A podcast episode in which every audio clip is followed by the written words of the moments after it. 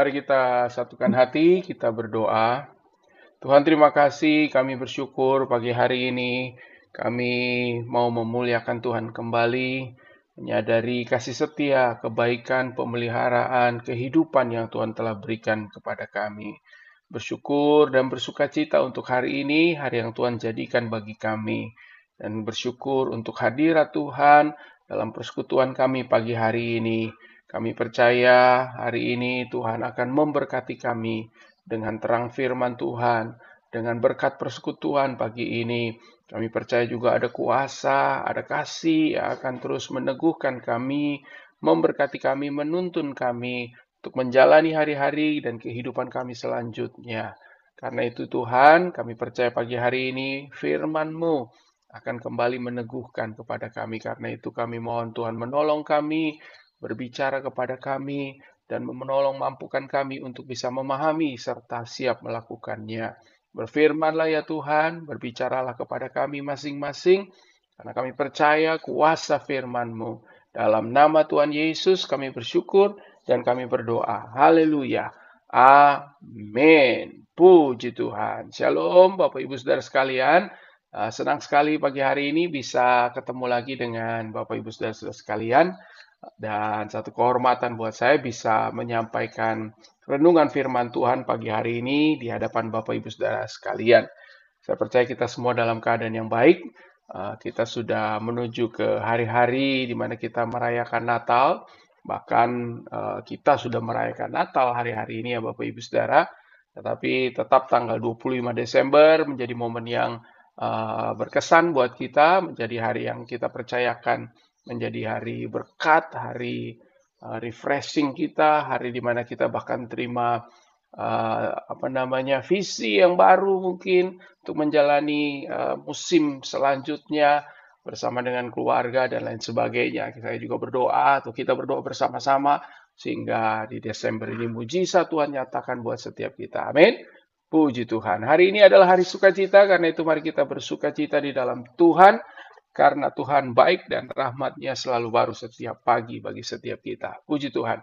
Baik, Bapak Ibu sudah dikasih oleh Tuhan, kita akan masuk sudah pranatal.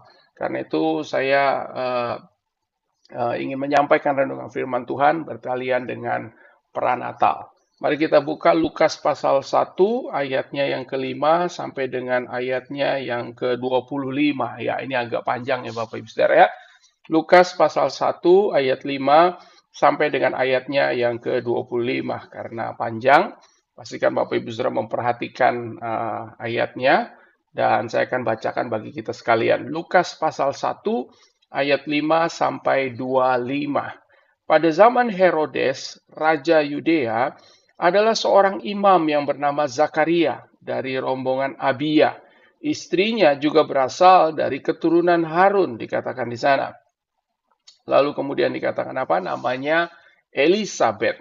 Keduanya adalah benar di hadapan Allah dan hidup menurut segala perintah dan ketetapan Tuhan dengan tidak bercacat. Jadi kedua orang ini atau satu pasangan ini hidupnya benar di hadapan Tuhan. Dia melakukan perintah Tuhan, melakukan ketetapan Tuhan dengan tidak bercacat. Berarti ini orang yang bisa dikatakan sempurna, bisa dikatakan sangat dewasa. Tetapi mereka tidak mempunyai anak. Ada persoalan di sini sebab Elizabeth mandul dan keduanya telah apa dikatakan lanjut umurnya. Jadi mereka sudah tua ini, yang pasti sudah di atas 50, 60 kita nggak tahu gitu ya. Pada suatu kali waktu giliran waktu tiba giliran rombongannya, Zakaria melakukan tugas keimaman di hadapan Tuhan. Nah, sebab ketika diundi, sebagaimana lazimnya untuk menentukan imam yang bertugas, dialah yang ditunjuk untuk masuk ke dalam bait suci dan membakar ukupan ukupan di situ. Nah, eh, Bapak Ibu perhatikan, kita tahu bahwa tugas ini adalah tugas yang mulia, ini tugas yang sangat penting. Karena tidak semua imam bisa melakukan tugas ini. Dan dia mendapat undian untuk bisa melakukan tugas ini. Dan kita tahu bahwa ini merupakan tugas yang jarang. Kenapa? Uh, sangat jarang. Mungkin ini merupakan sekali seumur hidup bagi Zakaria. Mengapa saya berkata demikian? Karena uh, ada ratusan atau ribuan mungkin bahkan mungkin bisa dikatakan bisa ada puluhan ribu atau belasan ribu imam yang ada pada saat itu. Namun untuk bisa melakukan masuk ke bait Allah, masuk ke ruang suci Bapak Ibu Saudara, membakar ukupan Bapak Ibu, itu diperlukan uh, apa namanya waktu yang giliran yang saya percaya bahwa itu bukan giliran yang cepat gitu, tetapi ini merupakan yang sangat jarang gitu. Jadi mungkin di masa tuanya baru dia mengalami ini. Sementara itu umat berkumpul di luar dan sembahyang Waktu itu adalah waktu pembakaran ukupan. Nah, berarti imam-imam yang lain dan jemaat Tuhan menunggu di luar karena kita tahu ketika uh, imam masuk ke dalam bait suci, maka ketika korbannya berkenan, Bapak Ibu Saudara, maka Tuhan akan berfirman. Dan ketika Tuhan berfirman, maka imam akan menyampaikan kepada uh, apa namanya kepada imam-imam yang lain bahkan ketiap kepada setiap jemaat Tuhan. Setiap kali melakukan itu yang dinanti setelahnya adalah suara Tuhan, firman Tuhan atau instruksi Tuhan karena bangsa Israel uh, sangat percaya dengan hal itu. Maka tampaklah kepada Zakaria seorang malaikat Tuhan berdiri di depan kanan di sebelah kanan mesbah pembakaran upah. Ini yang terjadi. Tiba-tiba malaikat Tuhan berdiri di sebelah kanan. Melihat hal itu ia terkejut dan menjadi takut. Lalu kemudian tetapi malaikat itu berkata kepadanya, "Jangan takut, hai Zakaria, sebab doamu telah dikabulkan dan Elizabeth istrimu akan melahirkan seorang anak laki-laki bagimu dan haruslah engkau menamai dia Yohanes." Engkau akan bersuka cita dan bergembira. Bahkan banyak orang akan bersuka cita akan kelahirannya. Sebab ia akan besar di hadapan Tuhan dan ia tidak akan minum anggur atau minuman keras dan ia akan penuh dengan roh kudus mulai dari rahim ibunya. Lihat, oh, ini merupakan hal yang luar biasa buat anak ini.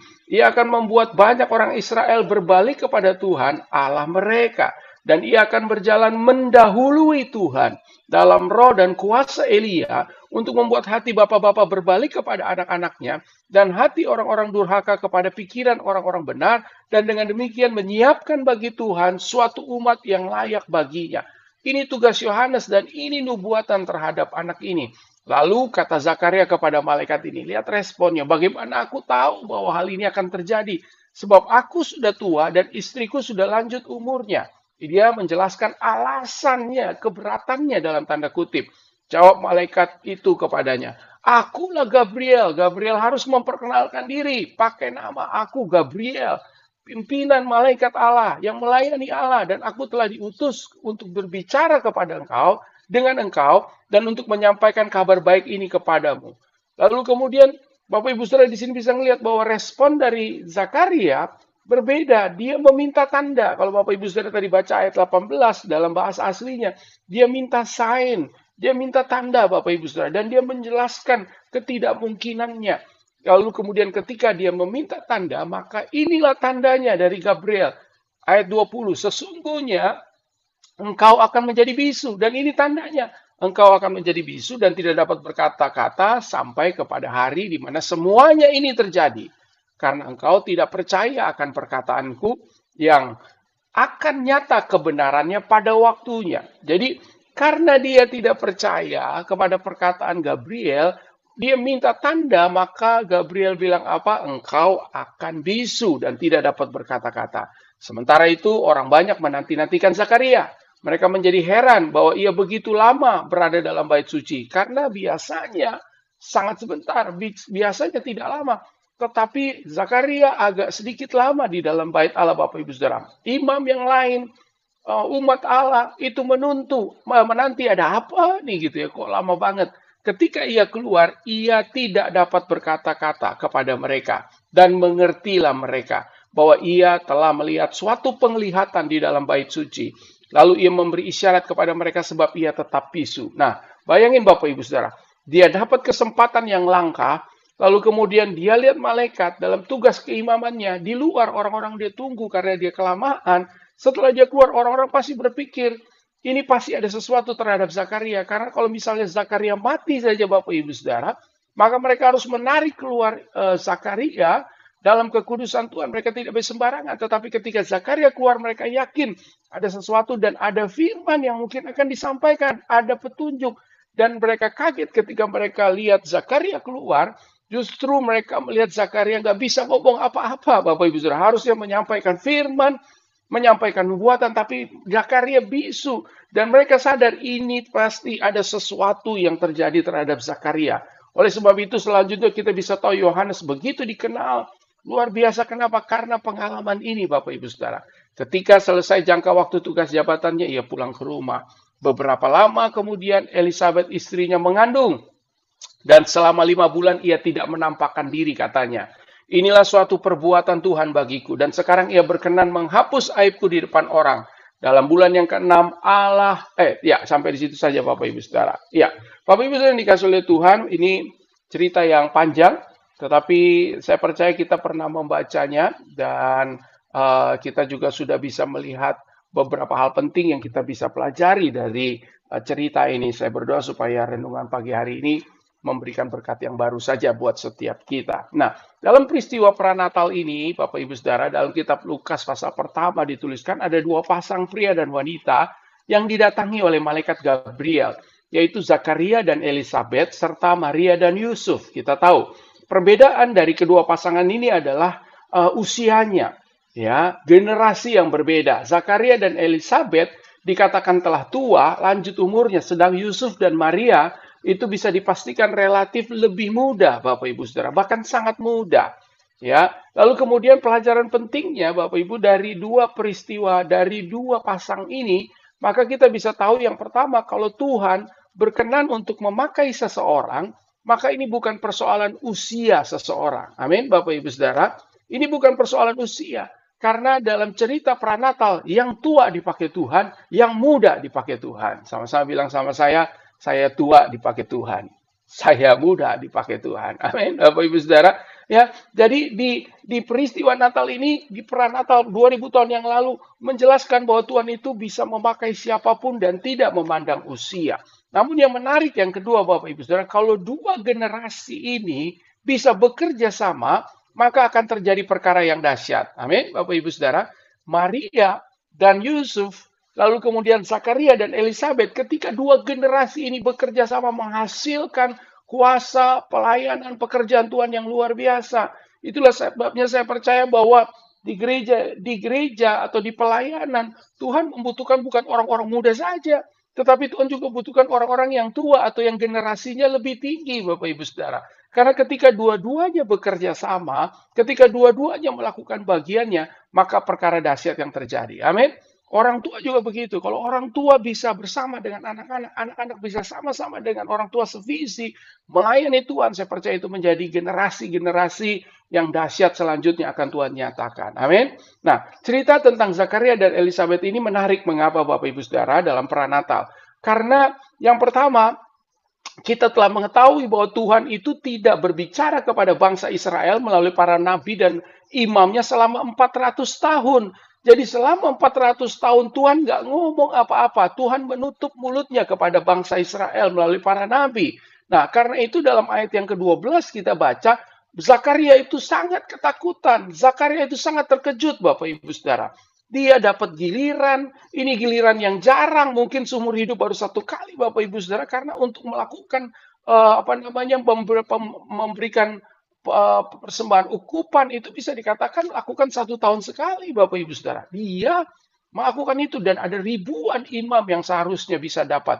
Dan dia begitu takut, dia juga tahu bahwa Tuhan itu tidak berbicara, tidak ada pesan sama sekali kepada bangsa Israel. Dan ketika dia melihat malaikat Gabriel, maka dia begitu ketakutan. Nah, pengalaman spiritual antara Zakaria Elizabeth, Yusuf, dan Maria ini juga mirip Bapak Ibu Saudara. Pengalaman spiritualnya, mujizatnya, didatengin sama Gabriel, lalu kemudian mereka sama-sama uh, dapat anak Bapak Ibu Saudara, hanya yang satu uh, karena mandul, yang kedua karena belum bersuami atau karena belum bersetubuhan. Tetapi dua-duanya didatangin oleh Gabriel, berbicara, lalu kemudian dapat uh, apa namanya dapat mujizat yang sama dan kejadian ini terjadi pranatal atau mendekati Natal. Jadi masa kehamilan mulai masa kehamilan kira-kira satu tahun sebelum Natal karena ada selisih usia antara Yohanes dan uh, Tuhan Yesus Bapak Ibu Saudara. Nah uh, kita lihat di sini bahwa Zakaria itu kaget takut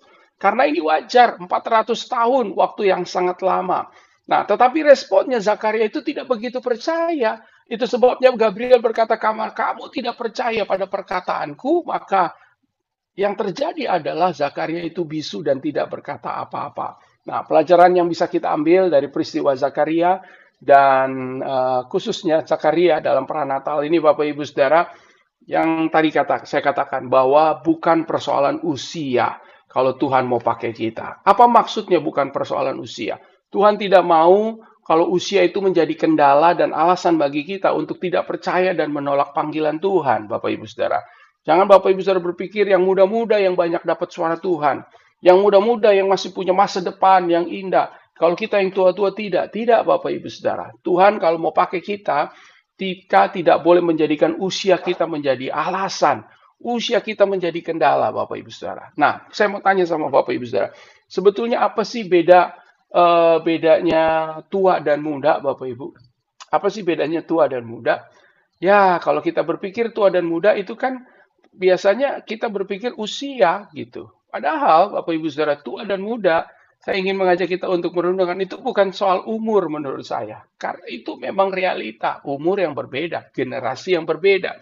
Tetapi yang membedakan, yang yang bisa berbahaya, yang bisa bersifat tidak baik Bapak Ibu Saudara, kalau tua dan muda ini yang dipersoalkan adalah apa Bapak Ibu Saudara? Yang dipersoalkan adalah karena tidak memilikinya ras tidak tidak terlihatnya dan tidak memiliki rasa yang saya sebut menjadi judul khotbah ini adalah rasa kagum kepada Tuhan. Rasa apa Bapak Ibu? Rasa kagum. Rasa kagum. Zakaria takut dan terkejut, tetapi Zakaria bukan kagum. Jadi ini berbeda. Ketika malaikat berbicara, Zakaria ketakutan dan seharusnya Zakaria itu kagum.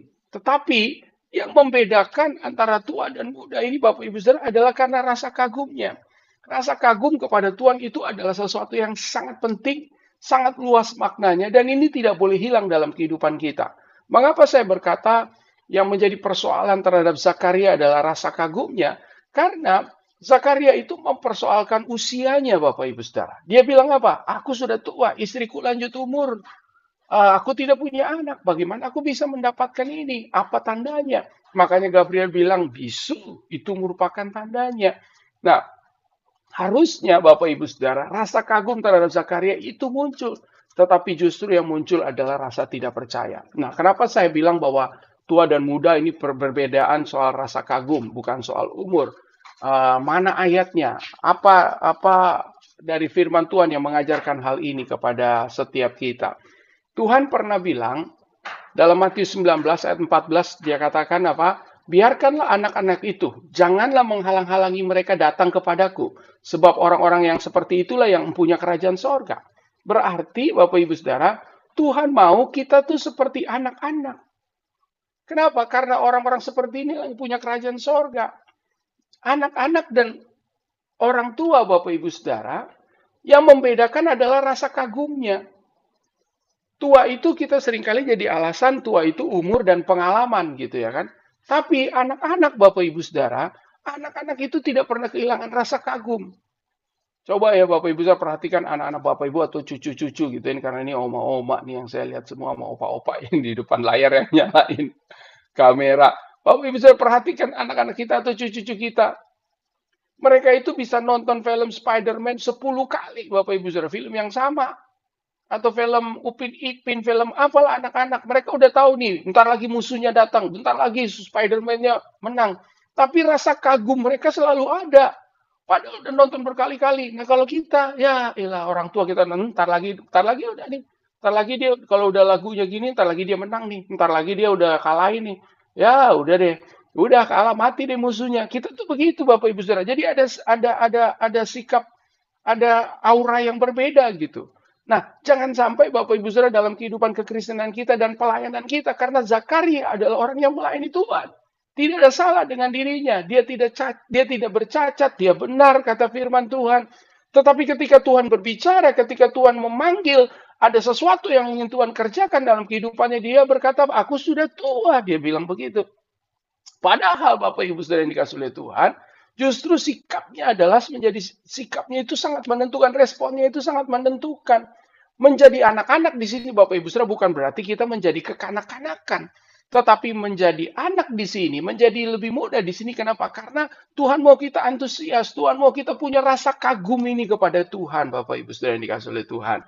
Zakaria melayani Tuhan. Jangan sampai kita udah lama melayani, lalu kemudian isinya kepahitan semua, Bapak Ibu Saudara. Nggak ada lagi kekaguman. Seperti waktu pertama kali kita bisa melayani Tuhan. Kita bilang, aduh Tuhan itu baik banget buat saya. Saya dapat kesempatan untuk melayani. Saya dipercaya untuk jadi berkat. Waduh kita kagum. Tetapi ketika kita sudah berpengalaman, ketika usia pelayanan kekristenan kita bertambah, justru rasa kagum kita kepada Tuhan itu justru tidak ada atau berkurang Bapak Ibu Saudara. Karena itu kita belajar dari Zakaria di sini uh, Zakaria berespon yang tidak tepat. Dan tentunya Bapak Ibu Saudara, saya tidak bisa atau kita tidak bisa sepenuhnya menyalahkan Zakaria. Kenapa? Karena Zakaria ini pahit, Bapak Ibu. Pahitnya gimana? Pak Zakaria ini mengalami kekecewaan. Alkitab mencatat, Injil ini mencatat, ia sudah lanjut umur, dia imam, dia tidak dia tidak bercacat, dia benar kata firman Tuhan. Tapi ada tapinya. Dia mandul Bapak Ibu Saudara. Dia nggak punya keturunan dan bayangkan buat orang zaman itu untuk orang Yahudi khususnya nggak punya anak ini persoalan Bapak Ibu Saudara. Iya kan? Ini persoalan itu sebabnya membuktikan sepertinya membuktikan bahwa ia benar, ia tidak bercacat, tapi doanya kok nggak dijawab. Makanya ketika malaikat Gabriel datang, dia berkata apa? E, doamu telah dikabulkan. Betul Bapak Ibu Saudara? Doamu dan dikabulkan. Harusnya orang kalau doanya dikabulkan itu exciting. Harusnya ketika orang doanya dijawab itu dia menyatakan rasa kagum. Dia malah biasa-biasa aja Bapak Ibu sudah dikasih oleh Tuhan. Nah, karena itu kita tidak bisa memang menyalahkan uh, Zakaria karena memang dia pahit. Karena dia mungkin belum mendapatkan doanya. Dan dia berdoa, dia melayani, tetapi tidak kunjung terjawab. Nah, ini yang bisa menjadikan orang kehilangan kekaguman akan Allah dan kasih kuasanya. Bapak Ibu sudah dikasih oleh Tuhan, kita kan mau merayakan Natal. Jangan sampai kita bilang, ya saya udah puluhan tahun ngerayain Natal. Natal ini kayaknya begini-begini aja. Bapak Ibu sudah dikasih oleh Tuhan, saya percaya Natal ini akan menjadi Natal penuh berkat buat kita. Yang setuju katakan amin. Amin. Karena itu sikap kita, jangan sikap yang pesimis. Kita percaya Natal ini keluarga saya pulih, kita percaya bahwa ada kekuatan baru, kita percaya ini berkat buat kita, dan lain sebagainya. Karena ini bukan persoalan merayakan hari Natalnya, yang kita lakukan setiap tahun, tetapi ini bicara tentang bagaimana hati kita kembali menyambut anugerah Tuhan. Karena ada pembaruan-pembaruan anugerah yang akan Tuhan nyatakan dalam kehidupan kita lewat perayaan Natal. Amin. Karena itu uh, dimiliki uh, harus kita memiliki rasa kagum ini kepada Tuhan di saat-saat perayaan Natal ini. Sehingga ketika kita merayakan krisis yang datang buat setiap kita, kita menerima momen yang luar biasa dari Tuhan. Nah, apa artinya kita memiliki kekaguman atau rasa kagum kepada Tuhan. Yang pertama, memiliki kekaguman kepada Tuhan itu berarti selalu bersyukur dan tahu berterima kasih. Gampang.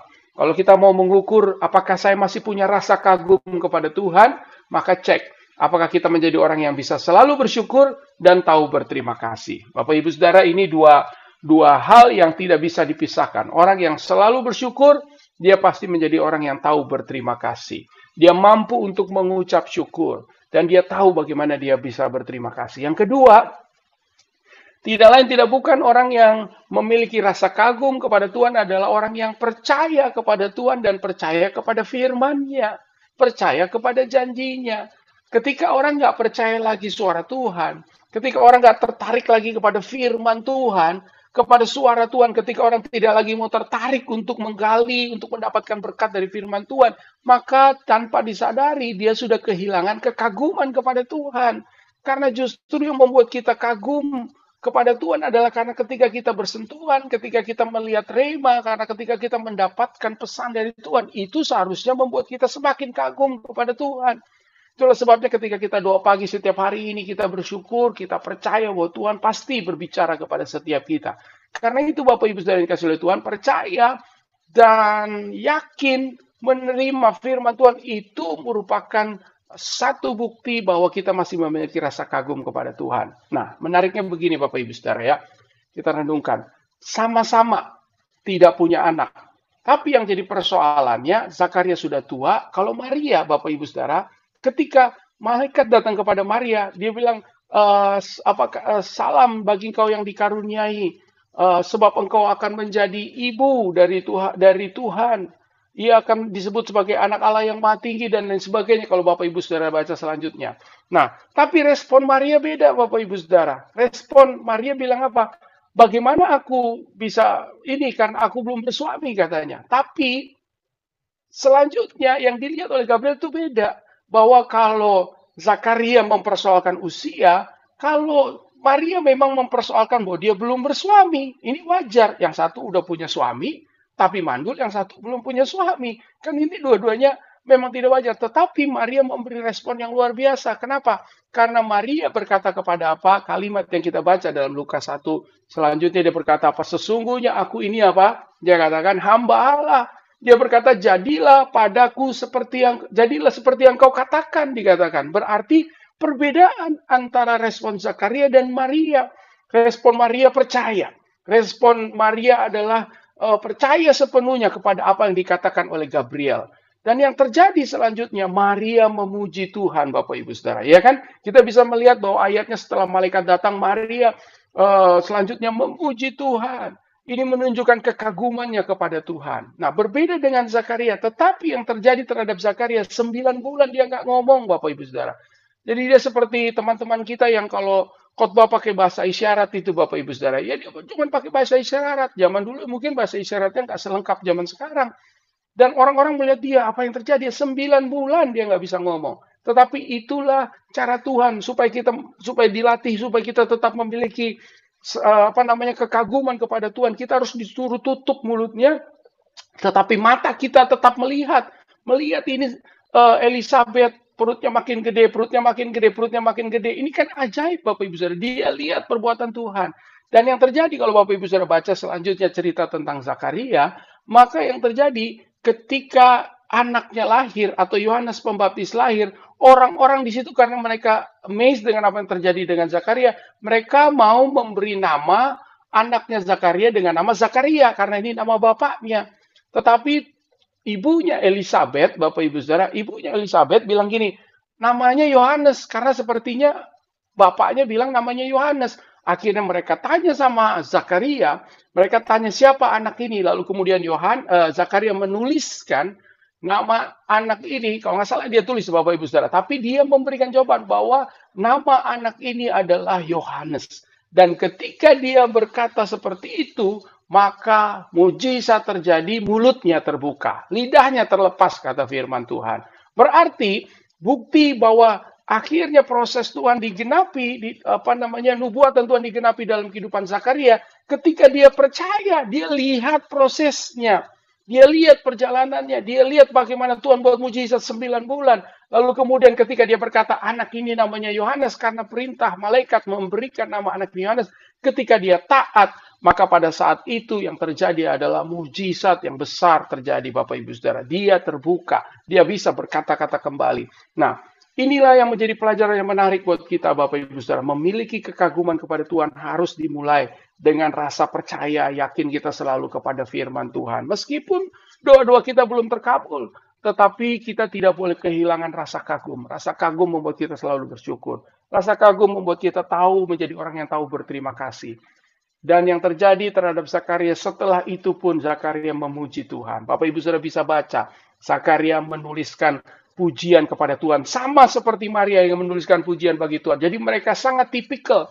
Dua pasang ini menjadi pelajaran buat kita di Natal ini. Bagaimana kita mempersiapkan diri kita untuk merayakan Natal, menyambut anugerah dalam Kristus yang datang ke dunia dimulai atau di, dilakukan dengan rasa kagum kepada Tuhan, bersyukur dan percaya bahwa Tuhan masih bisa berkarya, memakai kita sesuai dengan panggilan buat kita masing-masing. Amin, Bapak Ibu Saudara. Karena itu kita terus bersemangat. Natal harus disambut bukan dengan ketakutan, tetapi dengan kekaguman. Sebab Natal itu adalah kabar sekaligus peristiwa sukacita yang akan membuat kita selalu terkagum-kagum Bapak Ibu Saudara. Natal merupakan bukti bahwa Allah mau serta dapat bekerja di dalam kita dan melalui kita. Jadi Natal ini berbicara bahwa manusia tidak bisa lepas dari Allah dan Allah tidak pernah bekerja tanpa manusia. Itu sebabnya di Natal ini saya percaya ada sesuatu yang tetap Tuhan nyatakan, ada karya, ada perbuatan, ada ada ada pekerjaan Tuhan yang harus kita lakukan dan kita tahu Tuhan akan bekerja dalam kehidupan kita. Menariknya Zakaria ini menjadi orang pertama Bapak Ibu Saudara yang dihampiri oleh malaikat. Justru malaikat nggak datang dulu ke Maria dan Yusuf, datang ke Zakaria dulu. Kenapa? Karena Tuhan ingin menggenapi karyanya yang luar biasa. Karena itu biar ini menjadi pelajaran buat kita untuk meng-highlight hal yang penting untuk mempersiapkan Natal kita, yaitu tetap memiliki rasa kagum kepada Tuhan. Saya mau berdoa buat Bapak Ibu Saudara. Tuhan, mau berdoa buat semua yang mendengar, yang menyaksikan, dan menerima firman Tuhan.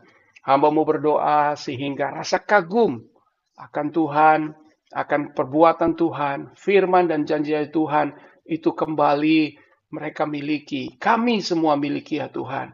Sehingga ketika kami mau merayakan Natal, kami membuka hati dan membiarkan Tuhan bekerja melalui kehidupan kami, melalui kehidupan keluarga kami. Sukacita, damai sejahtera, kekuatan dari Tuhan kiranya menjadi bagian bagi setiap kami. Di dalam nama Tuhan Yesus kami bersyukur dan berdoa. Amin.